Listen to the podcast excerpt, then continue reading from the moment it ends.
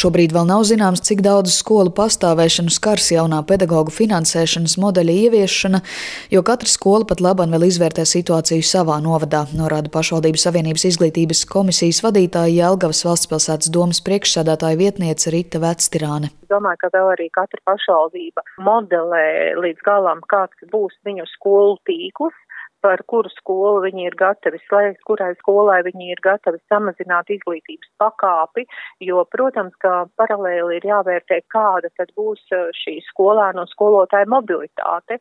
Tāpēc, domāju, līdz pavasarim, nu, skaidrs vispār valsts izglītības iestāžu tīkls nebūs.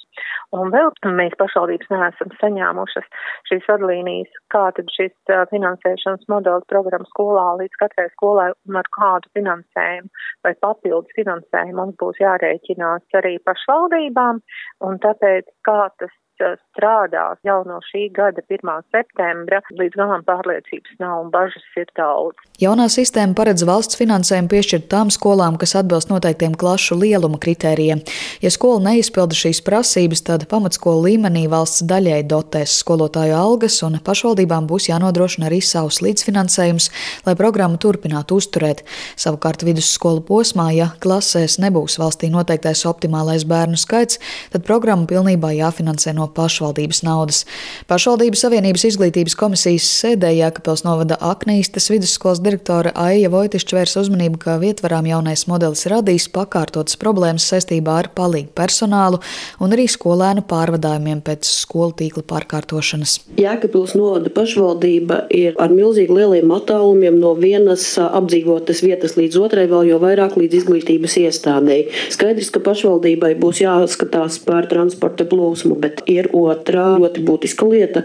Ja notiek bērnu pārvadāšana, tad uz pašvaldības pleciem, jeb slūgs nāk, vieniem beidzas nodarbības 12 vai 1, otriem tas būs ap kādiem 15. Jautājums par šo bērnu gan pieskatīšanu, gan arī par atbalsta pasākumiem šiem bērniem. Un tas ir jautājums par pagarinātās dienas grupas pedagogu.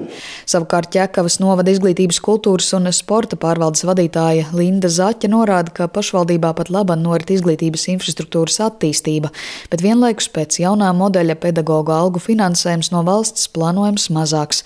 Taču pagaidām klases fiziski apvienot nav iespējams pirms izveidotas papildu telpas. Mani dara bažīgu, es pārstāvu Ķekavas novadu, kā pēc jaunajiem kritērijiem faktiski teiksim, nebūs finansējuma no valsts, divas vidusskolas posmus un vienu skolu, kurā ir 4, 5, 6 klase. Tāpat laikā mums nav bērniem, kur mācīties. Mēs prasām valsts kasē aizdevumu, lai celtu jaunas izglītības iestādes, vai šajos pārējais noteikumos tiks ņemts vērā to, ka mēs varam pierādīt, ka mūsu bērniem nav kur mācīties mūsu novadā. Ja pašvaldība var pierādīt, ka uh, mēs augam vai mūsu skolēnu skaits aug konkrētā iestādē. Izglītības ministrija gan norāda, ka atsevišķi tiks izskatīti gadījumi, ja pašvaldības uzrāda izglītojamo skaita pieaugumu un tiks piemērot kādi īpaši risinājumi.